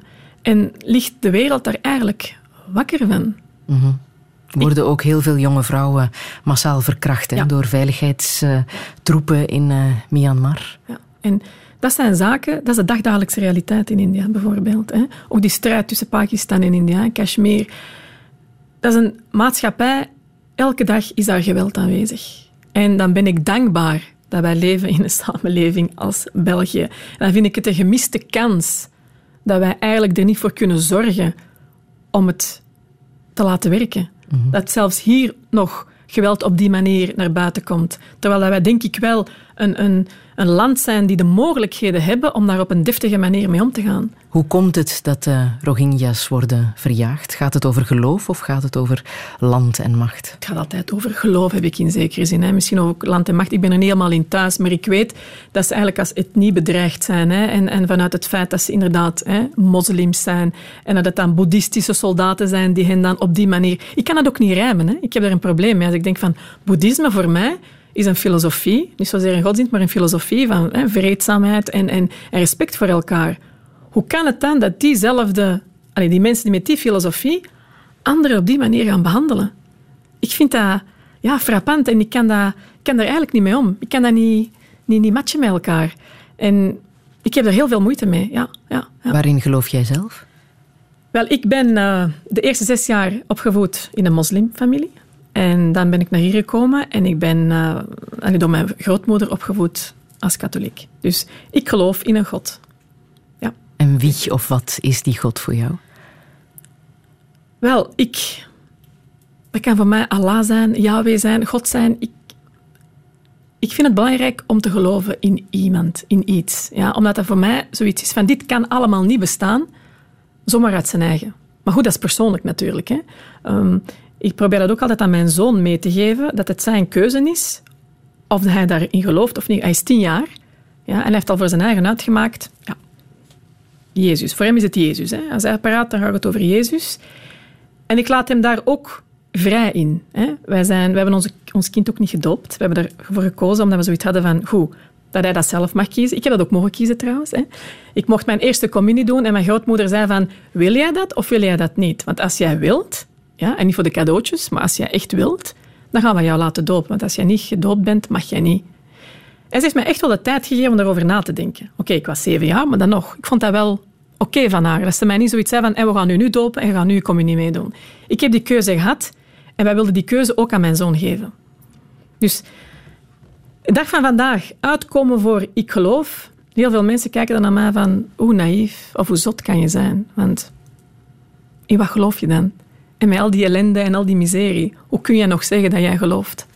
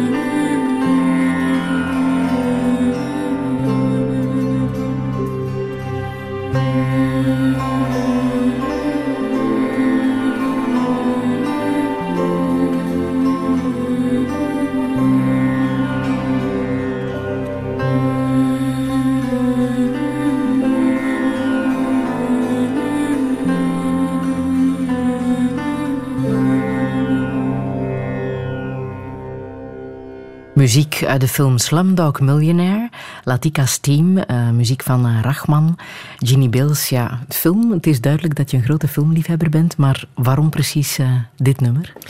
Wel, ik heb dit nummer ook gekozen, allee, wij hebben dit nummer ook gekozen als ons huwelijkslied, toen mijn echtgenoot en ik trouwden. Ik vind het een heel mooi liedje en, en de melodie vind ik heel mooi. En iets in die melodie herinnert mij aan India.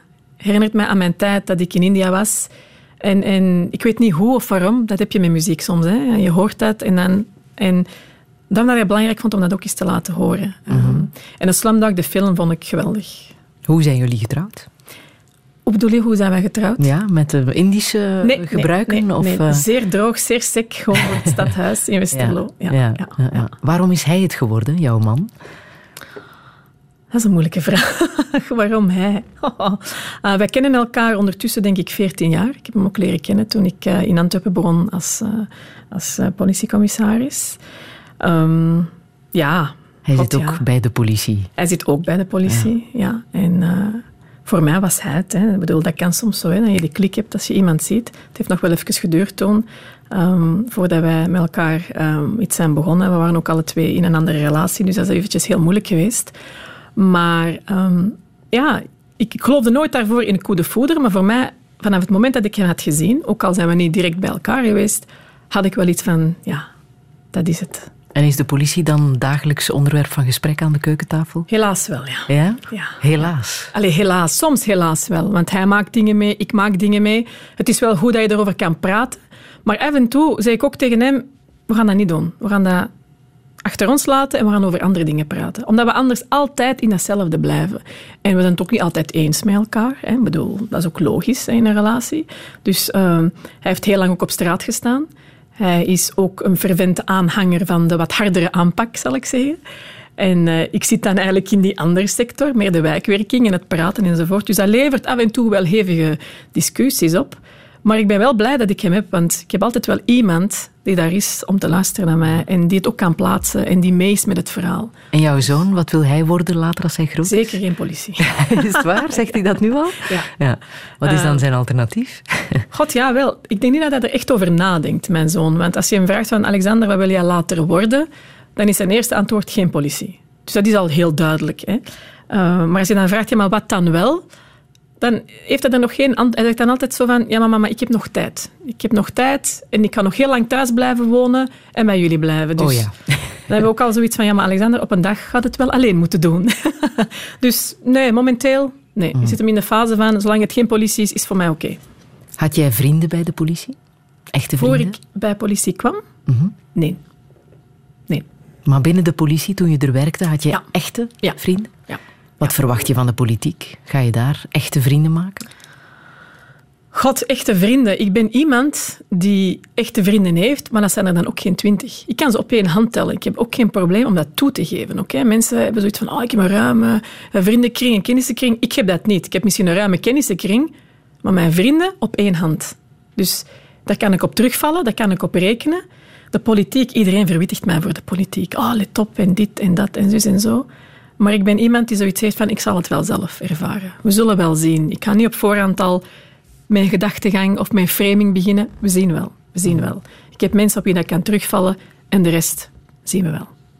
Je hebt een eh, uitspraak van de Ierse filosoof Edmund Burke die je gebruikt als levensmotto. Hè? Ja. Dat is? Dat is, ehm, in het Engels kan ik hem nu niet eh, opzeggen, maar het komt er eigenlijk op neer dat hem zegt van de triomf van het kwaad kan enkel slagen als goede mensen eigenlijk niet in actie komen.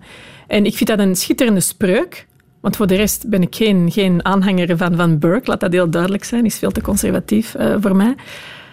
Maar dat is eigenlijk ook een beetje mijn motto. Hè. Als mensen mij vragen waarom doe je toch al die dingen, waarom stopte er eens niet mee en legde je niet gewoon neer bij de feiten en ga er niet mee gewoon met de flow, dan denk ik aan, die, aan, aan wat hij zegt. Van, ja, maar als we allemaal zo gaan beginnen denken, of als we allemaal zo dachten ten tijde van de Wereldoorlog, ja, waar waren we dan beland? Dus als we niet gaan strijden of opkomen voor iets waar we in geloven, ja, waar moeten we dan naartoe met de, met, met de mensheid? Je hebt ook een grote bewondering voor mensen die zich belangeloos inzetten voor de anderen. Zo zijn er wel een aantal die jij volgt. Ja. zoals wie onder andere? Ja, we hebben nooit een film gezien, mijn echtgenoot en ik. En dat heet... eh, oh, met die... Oh, hoe heet hem niet meer? Ehm, ik ben de naam kwijt. Hè. Ehm, hij was eerst lid van een motorbende en dan is hij eigenlijk in Afrika beland. Sam Childers? Yes, inderdaad. En eh, hoe heette die The film? Machine? Gun Machine Preacher. Gun Preacher. Onwaarschijnlijke, Straffe kerel, film. Echt ja. een straffe kerel. Die Grote grijze snor. Ja, ja, ja. Stevig hem ziet, figuur. denk je in je eigen van... Allee, hè? Ja. Maar ik weet vooral, mijn echtgenoot was daar helemaal weg van. Omdat hij zei van, dat moet je toch kunnen. Alles achterlaten, om dan eigenlijk in een land te gaan vechten of op te komen. Hè, voor, die, voor die kindsoldaten en al. Ik zou dat ook graag willen doen, zei hij. Als ik kon terugkiezen, zou ik iets doen zoals hij. En mensen zoals hij doen het eigenlijk vanuit hun, hun geloof. En niet om er iets voor terug te krijgen, of om een prijs te ontvangen, of om in de media te komen. En dat vind ik juist zo fantastisch. Hè, Zuster Jeanne de Vos, hetzelfde in India. Ik heb er mateloze bewondering voor. Uw leven opzij zetten om het aan ten dienste te stellen van degenen die zwakker zijn. Ja, chapeau. Maar zelfs ook ex-mariniers bijvoorbeeld, Ja. die zich inzetten om eh, bedreigde diersoorten Ja, ja, te redden. Ja. Ik heb dat ergens op National Geographic gezien. Ik vond dat geweldig. Mensen die dan een tweede carrière beginnen, maar dan eigenlijk volledig belangloos. Voor een zaak opkomen dat op het eerste zicht bijna verloren lijkt. Want als je ziet wat er gebeurt, naar exotische diersoorten in Brazilië enzovoort, dat is voor te wenen. En dan krijg je zo mensen op tv te zien. En dan denk ik van ja, dit is waarom dat ik het uiteindelijk ook zou willen doen. ja. Amerikaanse artsen ook, die Ja, zich klopt. inzetten voor mensen zonder ziekteverzekering. Ja. Heb ik gezien een paar weken geleden op de VRT was dat. Een reportage erover. En ik had zoiets van wauw. Als dat niet geweldig is, dan is er toch nog hoop in Amerika als er zo'n mensen zijn die zulke, die zulke daden stellen. Ja. Belgian police are the best. Belgian police are the best. Belgian police are the best. Belgian police are the best. Was walking around in Brussels. I was lighting a muscular split. Out came a man in uniform who nearly had finished his shift. He said, You know what I am, and I should lock you away. But if you let me have a track of your grass, I'll let you finish this one anyway. Belgian police are the best. Belgian police are the best. Belgian police are the best. Belgian police are the best. I met an Italian guy qui me disait? Ça t'intéresse J'ai des blousons en cuir italien et les frocs pour te couvrir les fesses. Some men walk out, flashed their badges and they threw him to the floor. And now they're dressed so much sharper than the day before. Belgian police are the best. Belgian police are the best. Belgian police are the best. Belgian police are the best. I know it's stuck to the minimum. Stuck to the minimum. I stuck to the minimum. Stuck to the minimum.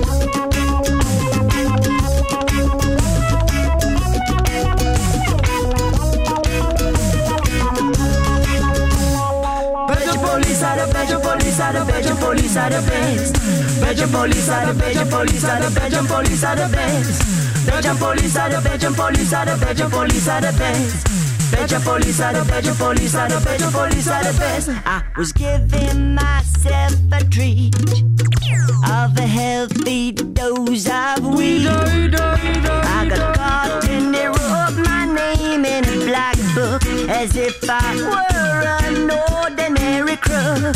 Oh, why can't they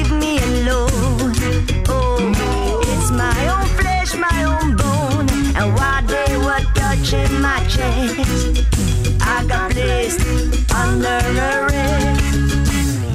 Belgian police are the best. Belgian police are the best. Belgian police are the best. Belgian police are the best. Dit was de groep Mango Saft met een nummer uit 2005. Ze hebben maar één nummer gemaakt en het was dit. Belgian Police heet het. Wat heb jij begrepen, Ginny Bales? Wat zingen ze? Belgian Police Are is the de... best. Are the best. Ja. Laten, we, laten we dat afspreken, Ja, dat dat ja. de tekst is. Want de tekst is gehoord. nergens te vinden. Volgende maand is het op Radio 1 Belpop maand. En bij deze doe ik een oproep. Als iemand de tekst heeft, stuur dat maar even door. Maar laten we afspreken, Belgian Police is the best. Is dat misschien een oplossing? Laten we met z'n allen de Belgische politie steunen? Ja, waarom niet? Inderdaad, want politiemensen hebben een moeilijke taak. En als ze nu eens toegeven, zoals met de Rode Duivels, wat we het er juist over hadden, die ook zeiden van, oké, ja, goed, we zijn misschien niet goed bezig, maar steun ons, supporter voor ons, en dan gaan wij beter spelen. Misschien dat dat met de politie ook kan. De politie zegt van, oké, wij hebben een probleem, we moeten het anders gaan aanpakken, maar help ons hierbij, steun ons hierbij. doe het samen met ons. Ik denk dat dat misschien wel iets is dat kan werken, ja. Mm. ja. Je bent er dit jaar 40 geworden, hè? Ik ben vorig jaar 40 Vorig jaar? Ja, dit Aha. jaar ben ik er 41 geworden. Hoe lastig was dat, die vier vooraan? Wel, ik had er niet zoveel last mee. Mijn echtgenoot heeft toen voor mij een fantastische dag in elkaar gestoken. Wij zijn toen gaan skydiven. Hè. Ehm, het was geweldig. Was echt geweldig. Skydiven? Ja, skydiven. Ken je dat? In Roosendaal was dat. Mhm. En het was niet uit een vliegtuig springen, want dat is de volgende stap blijkbaar. Maar ehm, je kan dat daar volgen, een cursus, waar je dan ja, het ervaart als in het echt. En ik zag er serieus tegenop, Ja? maar het was een fantastische ervaring. Ja. Want jij doet dat soort dingen toch graag? Ik doe dat enorm graag. Zware fysieke Ja, inspanningen en uitdagingen. Ja. Ja. Wat zou je echt nog willen in het leven? Ik wil heel veel dingen in het leven. Ik wil meewerken aan een samenleving waar iedereen zich goed voelt en een plaats heeft. Ik wil graag een aantal uitdagingen aangaan, ook voor mijn eigen, binnen, binnen zowel privé als professioneel. Maar ik denk dat het voornamelijk belangrijk is dat als ik terugkijk op mijn leven op een dag, dat ik kan zeggen van ja, ik heb gedaan wat ik kon, ik heb gedaan wat ik wilde en het is goed geweest. En op welk resultaat hoop je volgend jaar bij de gemeenteraadsverkiezingen? Goh, natuurlijk hoop ik dat wij gaan slagen. Hè? Dat de mensen voor ons gaan stemmen en dat de mensen gaan inzien dat we een alternatief bieden. Maar ik ben ook niet naïef en ik ben ook niet van gisteren. Het zal een, een moeilijke strijd worden, maar ik hou van uitdagingen, anders was ik hier ook niet ingestapt. Dus laat het maar komen. Welk schepenambt zou je ambiëren? Goh, mochten ze mij het schepenambt aanbieden, dan zou ik toch wel iets willen doen in de sector waar dat ik al sowieso ervaring heb. Hè. Eh, veiligheid, maar ook diversiteit en sociale zaken. Ja, dat is toch wel iets wat ik denk van oké, ja, daar wil ik wel mee aan bouwen. Mm. En stel nu dat het niet lukt in de politiek, hoe, hoe, werkt dat nu precies? Want je bent echt gestopt hè, als, eh, eh, bij de politie in Mechelen. Ik ben nu in non-activiteit, noemen ze dat dan. Dus ik ga een job moeten zoeken en ik ga aan de slag moeten gaan voor terug een wedden te, te hebben. En als het niet lukt volgend jaar, wel, ik heb een vangnet, zeggen de, heel veel mensen, maar oh, je kan altijd terug. Dus binnen de twee jaar kan je inderdaad teruggaan naar de politie. Maar kan je Maar dat ook echt? Maar kan je dat ook echt? Dat is de vraag hè, die we ons moeten stellen. En wil ik dat ook echt? Als het niet lukt, wil ik nog wel teruggaan? Ik heb daar eigenlijk nog niet echt over nagedacht. Omdat ik niet bewust de hele tijd bezig wil zijn met het feit van wat als het niet lukt. Nee, nee, ik ben nu bezig met het feit van, kom aan, we gaan ervoor, we gaan de strijd aan, we gaan er alles aan geven en dan zien we wel. Mhm. Ja, weet je, ik heb geen glazen bol en ik wil ook niet de hele tijd met negatieve gedachten in mijn hoofd zitten. Dus Welke boodschap wil je hier nog meegeven? Wel, ik denk dat het heel belangrijk is hè, dat mensen beseffen dat het heel gemakkelijk is om anderen verwijten te maken. Hè. Wat is het spreekwoord? Wie zonder zonde is, werpen de eerste steen. Ik denk dat we daar echt wel bij moeten stilstaan. Hè. Vooral de dag van vandaag.